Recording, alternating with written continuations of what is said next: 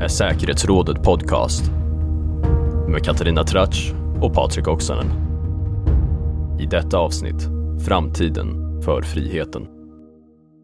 Välkomna till podcasten Säkerhetsrådet som ges ut av tankesmedjan Frivärd. Jag heter Katarina Tratsch och jag är chef för tankesmedjan Frivärd. Och med mig har jag Patrik Oksanen, Senior Fellow. Och jag ska tillägga att idag har vi faktiskt två särskilda gäster med oss i det här samtalet. Eh, och vi ska ju prata om vad händer med friheten i världen. Precis, vi ska prata om framtiden för friheten, den liberala demokratin och den multilaterala världsordningen. Stora ämnen. Ja, och då välkomnar vi Niklas Ekdahl, journalist eh, med förflutet som politisk redaktör på DN och Expressen, känd från tv också och eh, författare. Och sen har vi också med oss Karin Svanborg Sjövall som är författare och frihetlig frifräsare. Gud vad jag har laddat för att säga det. Tidigare Timbro-VD också. Välkommen Karin. Tack så hemskt mycket. Eh, ja, vi har bjudit in er två. Eh, dels för att ni inom era respektiva yrken berört de här frågorna tidigare. Eh, Karin, vill du berätta lite om vad du gör just nu? Ja, förutom mitt frihetliga frifräsande, ehm, bland annat på, på DN som kolumnist, så håller jag nu på och skriver en bok som kommer handla om, eh, ja egentligen pop, eh, populistisk statskonst kan man säga. Eh, det är tänkt att bli en reportagebok. Hur det ska gå får vi väl se lite grann när det blir lättare att, att resa än vad det är för, för närvarande. Ehm, men där jag försöker titta på den senaste vågens mer framgångsrika populistiska rörelser, både till vänster och till höger. Eh, och hur de utövar statskonst eller har för avsikt att utöva statskonst. Lite grann just mot fonden kring huruvida det här verkligen är ett alternativ till den liberala demokrati vi känner eller om det är någonting annat. Spännande. Och Niklas, eh, du var med i ett samtal om de här frågorna på Frivärd för några år sedan. Eh, vi har just konstaterat att det var innan Brexit och innan valet av Donald Trump. Var skulle du säga att vi befinner oss just nu? Jag tror vi befinner oss eh, i det läge där det är så illa så att det är dags att börja bli optimistisk. Så illa att det är dags att börja bli optimistisk? ja, nej men det är ju uppenbart att det är mycket som eh, verkar gå åt fel håll om man liksom tänker på det öppna samhället och den liberala demokratin och så. Eh, men jag tror att om man liksom går igenom de faktorerna, alltså säkerhetspolitiskt, kulturellt, medialt på massa olika plan så så underskattar man ju ofta de korrigerande krafterna så att säga. Det är lite grann upp till oss att ta tag i de här sakerna och det är mycket som har kommit då som en överraskning får man ju säga. Alltså, till exempel hur internet fungerar där Vi trodde för tio år sedan att det skulle bli en, en enande öppnande kraft så att säga. Och nu är det ganska uppenbart att så som det funkar idag eh, så är det ju snarast ett existentiellt hot mot eh, demokratin i den form som det har fungerat. Så att säga. Det var ju också en viktig faktor när det gäller just Brexit och presidentvalet 2016. Eh, men där har det ju hänt mycket redan och mycket mer tror jag kommer att hända. Men vi kan prata mer om det sen. Ja, men jag blir lite nyfiken, vilka fler korrigerande faktorer ser du har kickat in nu som inte fanns för, låt oss säga två år sedan? Ja, alltså det här som jag nämnde då till exempel hur Twitter och Facebook kommer att agera inför amerikanska presidentvalet. Eh, hur oerhört naiva de också var eh, fram till 2016 kan man säga med trollkonton och så vidare. Ja, du kan mer om det här än jag men eh, det har redan hänt ganska mycket där så att säga och det är både eh, ett stat, tryck från så att säga statlig nivå och det handlar också om deras egna varumärken. Nu sitter de ju i en rävsax där de måste, så att säga, för att försvara sina upplåsta värderingar, eh, i, fortsätta med den här engagerande affärsmodellen då, som ju bygger mycket på så att säga, hat, konspirationsteorier och så. Det är inte för att de vill illa, men, men det är ju, ja, det skapar trafik så att säga. Eh, och det, så det tror jag kommer bli ett dubbelt tryck så att säga, inifrån de här bolagen för att folk ska vilja jobba där, för att de ska kunna försvara sina varumärken. Eh, och från statlig nivå för att alltså, få dem att ta ett lite större publicistiskt ansvar för det här som de faktiskt eh, orsakar. Eh, men det är ju som sagt bara en nivå. Sen har vi, vi har säkerhetspolitiskt till exempel då Kina, Ryssland, mm. Turkiet. Att de behöver ju ett, uppenbarligen ett tydligare mm. eh, motstånd. Jag tänker att vi ska återkomma till det här med, med teknik och teknikföretag men först tillbaka till dig Karin. Det, det, är så illa så att det börjar bli dags att bli optimistisk. Håller du med om det? Jo men det, det håller jag absolut med om. Jag tror att det är lätt att man, om man bara tittar på, på mörkret så missar man ljuspunkterna. Och gör man det så, så tror jag också att man kanske ibland missbedömer hur de här förloppen faktiskt går till eller kan gå till. Eh, man ska nog inte underskatta exempelvis att erfarenheterna av att testa alternativet till en pluralistisk liberal demokrati inte är entydigt positiva. Eh, Grekland tycker jag är ett sånt jätteintressant exempel som de flesta nog trodde var i princip förlorat. Alltså förutsättningarna var så jättedåliga, man hade den här erfarenheten av en helt och hållet faktiskt auktoritär ehm, populistisk regering. Nu har det gamla politiska systemet faktiskt på många sätt lyckats revitalisera sig. Eh, det finns en mättnad i befolkningen på färgstarka politiker. Man liksom börjar bli rätt intresserad av att normalisera sin liksom, tillvaro och att, att få ett politiskt system som fungerar bättre. Ehm, så det är väl liksom ett, ett sånt exempel som jag också tror att man ska komma ihåg. Och nu är det ju fortfarande öppet hur det kommer gå i det amerikanska valet. Men det är ju faktiskt inte omöjligt att även amerikanerna också drar slutsatsen att det här var liksom, ja, kanske inte ens roligt så länge det var det. Utan så att, att liksom en reaktion möter en motreaktion och så fortsätter det så här i en pendelrörelse. Men går det att göra Make tråkigt great again?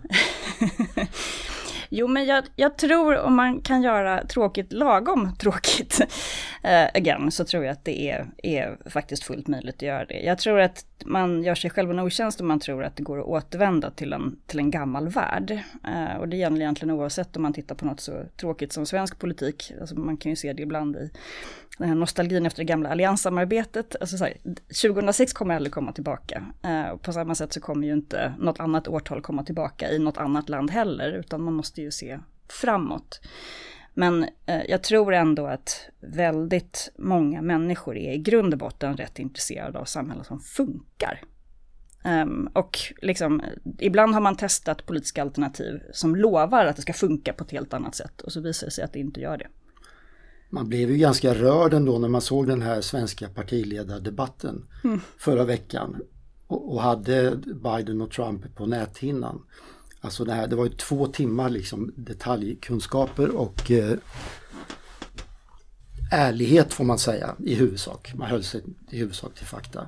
Och, eh, det är ju verkligen make tråkigt great again. Alltså det är ju egentligen är det ganska tråkigt men nu uppskattar man det kanske ännu mer mm. än man gjorde förut.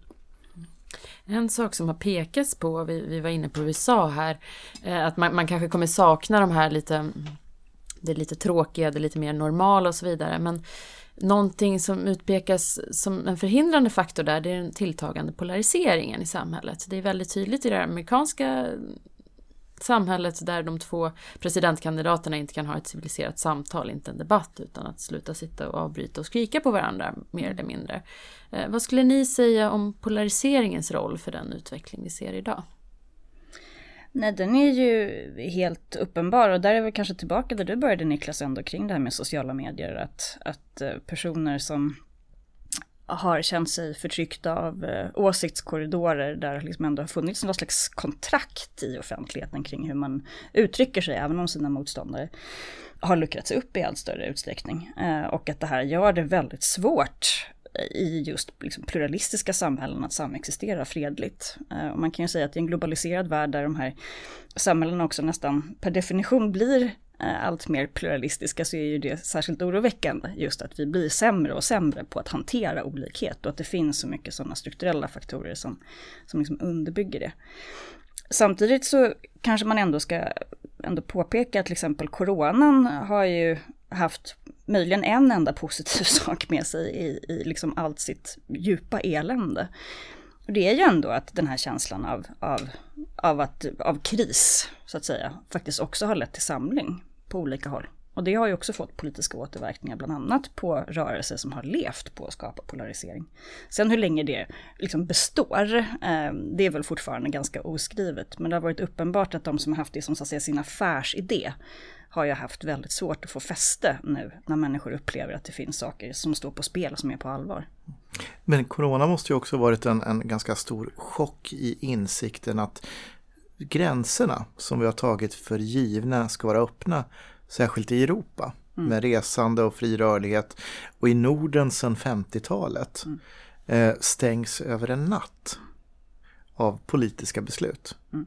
Av regeringar som man inte trodde skulle kunna stänga gränserna till varandra. Mm.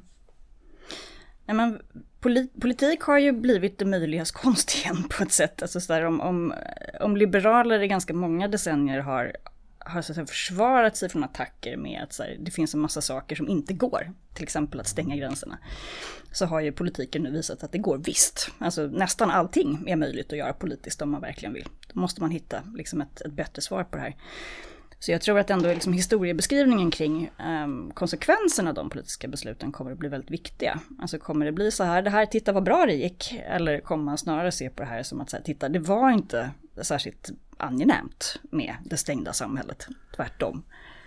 Den fria rörligheten är ju bara en av många dimensioner av liksom den liberala friheten som kanske särskilt unga människor har lärt sig att ta för given. Det här är ju en tankeställare då i det avseendet.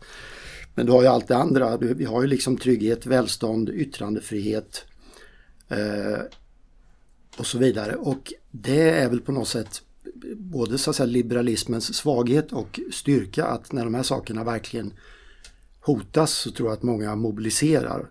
Men å andra sidan så länge man tar det för givet så, så finns det ju också en eh, nonchalans och man ställer andra krav på andra än på sig själv. Då, va? Det finns ju många exempel på detta. Eh, man ser inte så att säga att man, man själv ingår i ett sammanhang som bygger på väldigt liksom, tydliga normer för att den här friheten ska fungera. Eh, för att ta två exempel från senaste veckan. Eh, Andreas Malm, klimataktivist och universitetslärare som i Svenska Dagbladet uppmanar till klimatsabotage därför att han har då en, ett ärende som är så viktigt så att säga att vi kan tillåta låta oss att bryta mot lagen. Eh, eller i andra änden då kanske av det, något slags politiskt spektrum. Karl Hedin, den här eh, trämiljardären som har tjuvjagat varg, anklagad för i alla fall, som uppmanar folk att göra detsamma och använder sin förmögenhet för att han ska kasta åklagarna de här i fängelse som har stämt honom för tjuvjakt. Eh, det är bara två exempel men Donald Trump är förstås det yttersta exemplet på det här med att, eh, att säga, äta kakan och, och ha den kvar om alla amerikanska politiker hade betett sig som honom så hade det varit inbördeskrig redan i princip. Man uppmanar till våld och så vidare. Eh, förståelsen för det där tror jag bland unga människor är ganska, den verkar ganska ojämn så att säga. Med liksom skyldigheter och rättigheter för man tar alla de här sakerna för givet och det kanske behövs mer pedagogik från liksom politiker och skolan och föräldrar och så. Mm.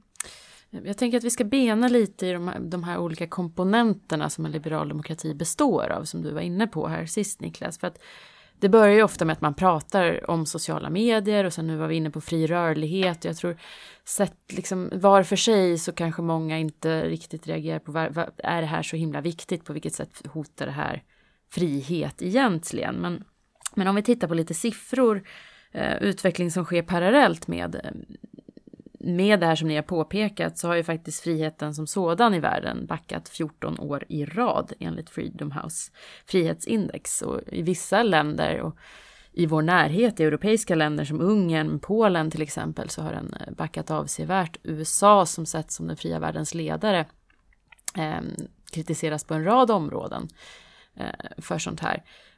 Var i liksom var i ligger de riktiga orosmomenten? Vad var, var ser ni? Oj, ja det finns ju ganska många att välja på. Um, dels så handlar det förstås om att det är, det är så stora delar av världens befolkning som nu befinner sig i länder som går inte bara i en auktoritär riktning utan där, man, där det är väldigt påtagligt att man, att man verkligen går bakåt. Alltså Kina. Indien är väl också ett sånt uppenbart exempel.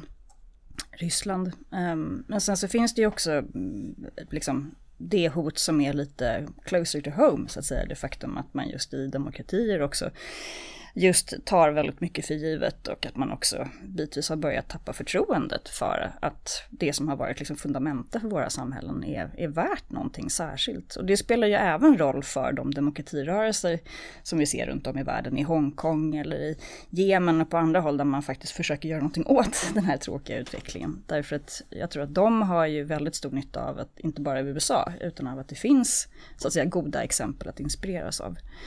Eh, och om vi inte ens själva orkar stå upp eh, för frihetliga värderingar så är det klart att då kanske man inte heller ska förvänta sig att vårt ljus ska inspirera liksom, ehm, i andra delar av världen. Så det är väl, liksom, det är väl makrobilden. Men jag tror att, att mycket handlar ju ändå om, om institutioner. Att, här, vi håller på att tappa tålamodet med att demokrati är långsamt, att demokrati inte förutsätter perfekta utfall som kommer på en gång. Um, och att liksom den här balansen mellan folkviljans förverkligande å ena sidan och å andra sidan institutionella mekanismer som ibland förhindrar tillfälliga majoriteter att få som den vill. Att den måste finnas på plats. Um, och där, där ser jag nog liksom egentligen det största hotet just nu. Ja, och det behövs ju både så att säga, självförtroende och klarsyn. Alltså, vi, har, vi, om man säger västvärlden, har ju varit naiv på en massa plan förstås. Va? Säkerhetspolis har vi nämnt, nämnt, där finns ju inget alternativ så att säga. Det, det är klart att det var förhastat att rusta ner som till exempel Sverige gjorde. Eh, men eh, ekonomiskt, socialt också, apropå polarisering, så det finns ju mycket forskning som ändå visar att växande klyftor, så att säga i USA till exempel, det är en process som har pågått sedan 70-talet i princip. Eh, och att den politiska polariseringen då har ett tydligt samband även om kausaliteten kan diskuteras. Men eh, med då de här eh, växande ekonomiska klyftorna och sociala klyftorna. Och det är förstås en väldigt komplicerad process men där behövs ju någon slags politisk offensiv också för att med olika smarta metoder och utan att sitta fast i den gamla skyttegraven mellan höger och vänster eh, adressera det problemet som vi i Sverige också har i allra högsta grad även om vi har en bit kvar till det amerikanska läget men vi är ändå på väg i den riktningen så att säga. Eh, och den sociala polariseringen hotar ju då uppenbart också den politiska eh, handlingskraften till exempel. Jag menar, vi har sett redan i Sverige med svaga regeringar och så eh, som har problem då att ta itu med verkliga, verkliga frågor. Jag tänkte nu kolla om ni är pessimister eller optimister när det gäller friheten i världen och jag vill att ni ska svara bättre eller sämre. Kort och snabbt och sen tar vi följdfrågor efter att det här lilla batteriet har skjutits av. Friheten i världen kommer att vara bättre eller sämre om två år? Sämre. Ja, bättre då? Eh, fem år? Bättre. Bättre. Tio år? Bättre. Bättre. ja, bättre och bättre dag för dag, det är en gammal svensk eh, klassiker. Ja, det var lite tvekan där på slutet för, för Karin på, på tio år. Du var lite, lite tveksam där. Mm. Eh, men, men ska jag sammanfatta det så är ni optimister på sikt, kanske? Ja, typ så. Mm, fast Niklas är så mycket pessimist att han måste vara optimist. Alltså ska man vara ärlig så har vi ingen aning. Det kommer hända någonting som vi inte vet. Eh, men det kan lika gärna överraska på uppsidan som på nedsidan. Det är väl liksom den historiska mm. läxan av säg 1913 och 1989. Där det gick liksom i två helt skilda riktningar. Va? Eh, men det som gör alltihopa så spännande är ju att det händer nu och vi, vi kan påverka det själva. Eh, så att det här att vara liksom uppgiven eller, eller skylla ifrån sig det håller ju inte. Men eh, du säger att det, det händer nu och vi kan påverka det själva och du sa också att man kan göra någon slags politisk offensiv. Eh, västvärlden kan mobilisera och så vidare. Konkret, hur skulle det kunna se ut? Eh, ja, men det är väl att eh, om man, det är ganska lätt att se de här, eh, alla de här dimensionerna som vi har varit naiva i så att säga. Eh, vad som har hänt på internet, geopolitiskt, eh, ekonomiskt, socialt, hur eh, så att säga, söndrande, polariserande krafter har liksom kunnat utnyttja ny teknik och sånt. Eh, och jag menar, det är inte särskilt svårt att skapa korrigerande krafter politiskt och kulturellt emot det. Sen är alltid risken då att liksom barnen åker ut med badvattnet så att säga. Så det gäller ju att vara uppmärksam och tyvärr den här, den här polariseringen och det här hetska tonläget vi har gör ju inte den här korrigeringsprocessen enklare såklart. Eh, men eh, jag tror att det finns, det finns en korrigerande kraft även mot det så att säga. Apropå eh, make Sverige tråkigt igen. Att man kommer att sakna liksom det lugnet och politiker som, som vill lösa verkliga problem. Och coronan är ju ett övertydligt exempel. Jag menar igår när Donald Trump säger att hans chefsläkare är en idiot och han måste vara 500 år gammal och typ sådana saker. Då tror jag ändå man har nått en punkt där liksom en stor del av befolkningen tänker att ja, men det kanske är experterna vi ska lita på och inte liksom en lallande eh, populist. Va? Karin, du studerar ju populistiska rörelser. För några år sedan pratade vi, var det väldigt mycket fokus på det som det stora hotet mot demokratin. Eh, nu verkar hotet ligga på flera fronter. Eh, vad skulle du säga läget i de här rörelserna idag? Hur pass utmanande är de för liberala demokratin som system och eventuellt hinder för att den ska återupprätta sig själv?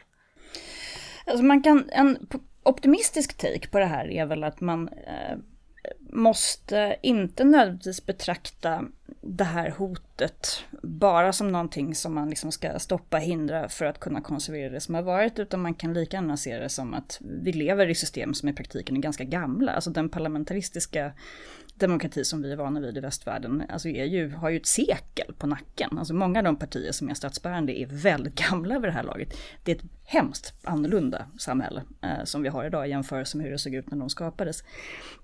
Så att, att, systemet utmanas och liksom svarar på den utmaningen genom att utvecklas, det är ju i grund och botten inte någonting som är dåligt, även om man inte behöver gilla utmaningarna. Men, men man måste liksom anta dem tror jag för att kunna hantera dem.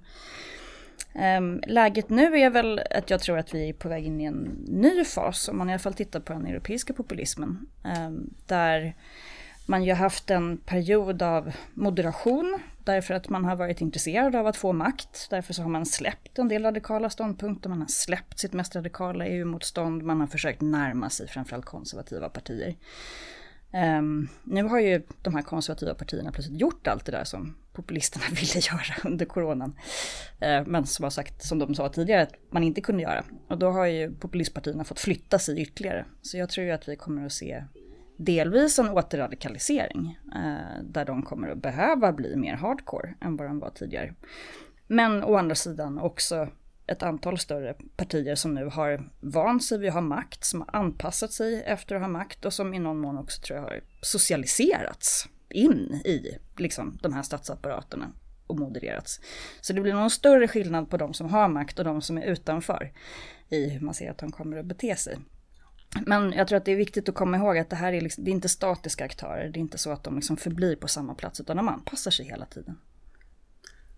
Jag håller helt med om det. Jag, jag tror också att själva begreppet populism har blivit väldigt problematiskt mm. för att man liksom buntar ihop eh, saker som är totalt oacceptabelt med saker som är kanske till och med då demokratiskt vitaliserande så att mm. säga. Va?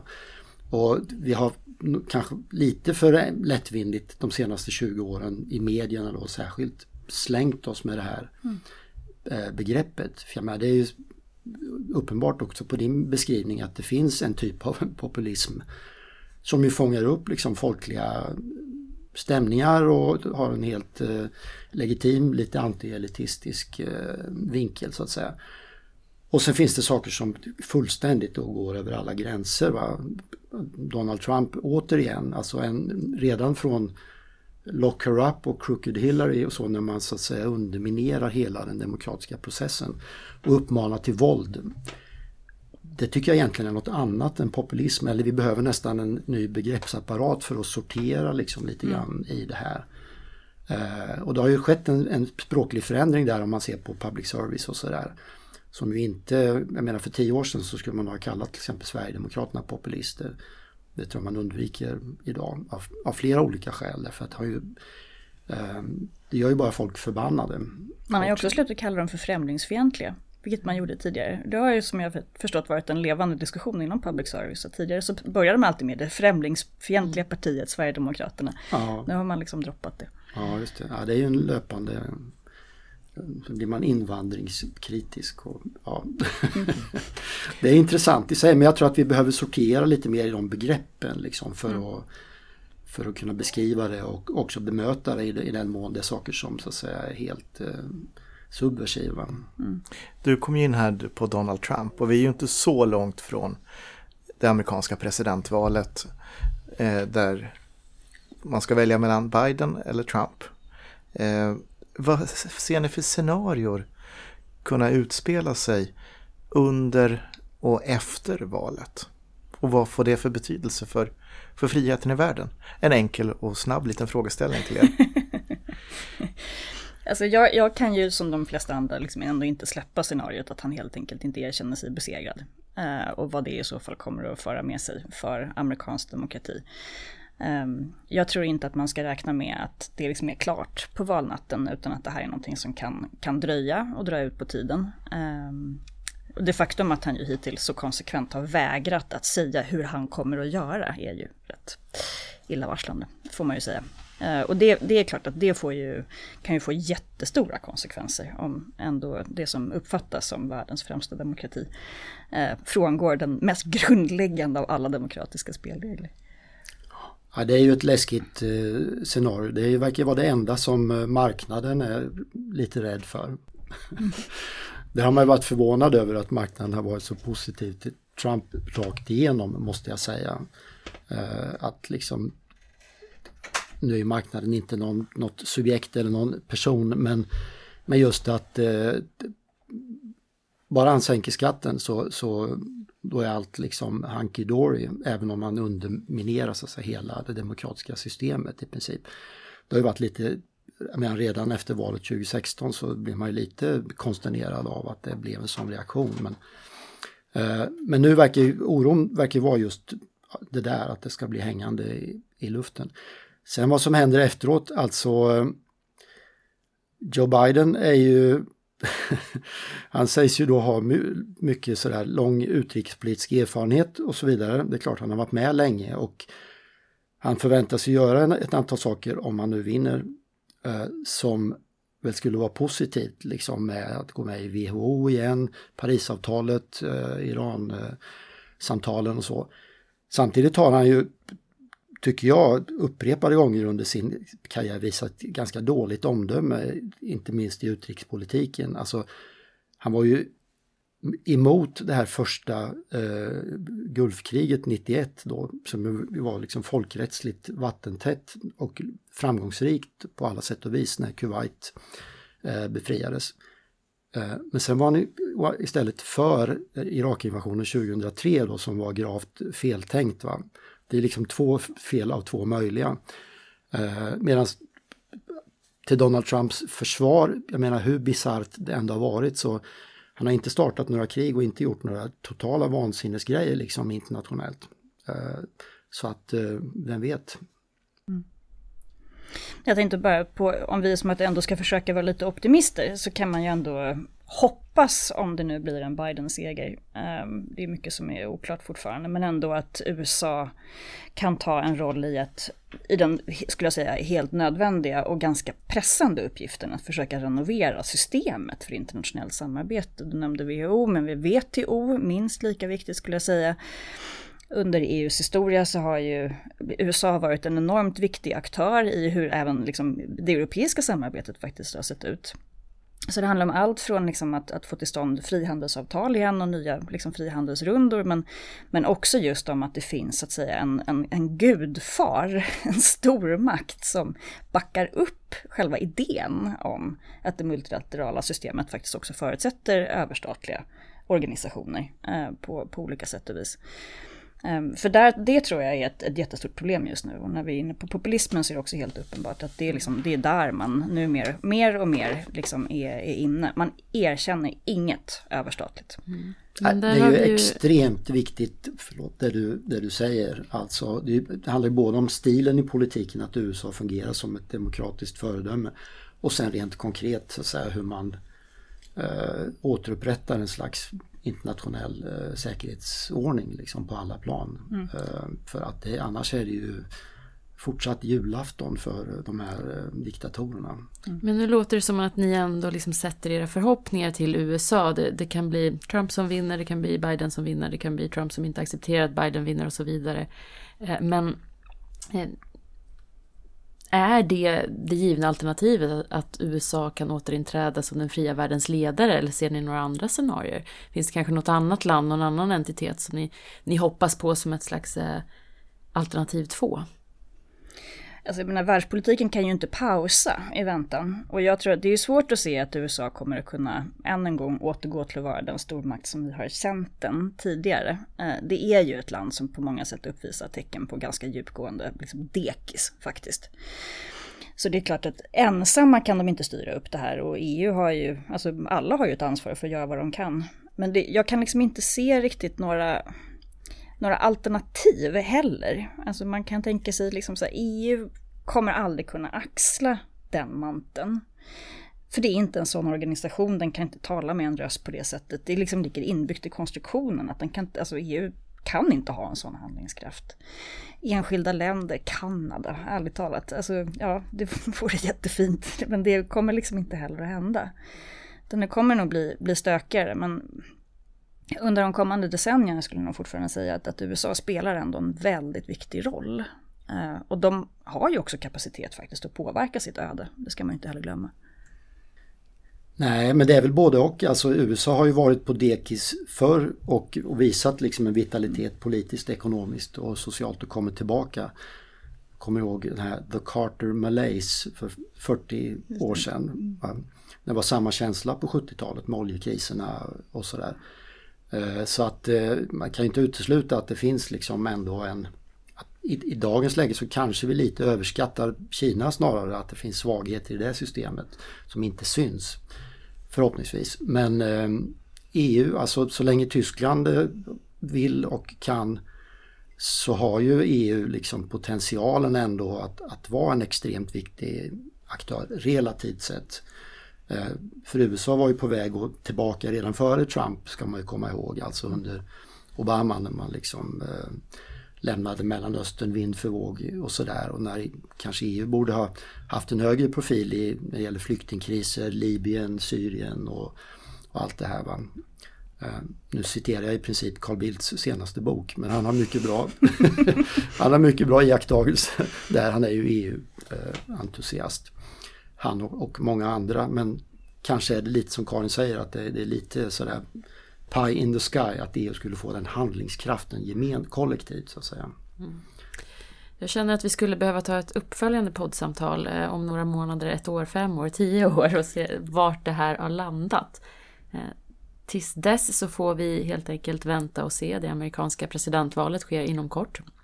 Eh, och eh, det känns som att mycket hänger på det helt enkelt. Eh, men jag får tacka er så länge för att ni har medverkat i podden. Eh, båda författarna och frifräsarna Niklas Ekdahl och Karin Svanborg Sjövall. Eh, jag och Patrik Oksanen tackar för oss och det här avsnittet av Frivärldspodd Säkerhetsrådet.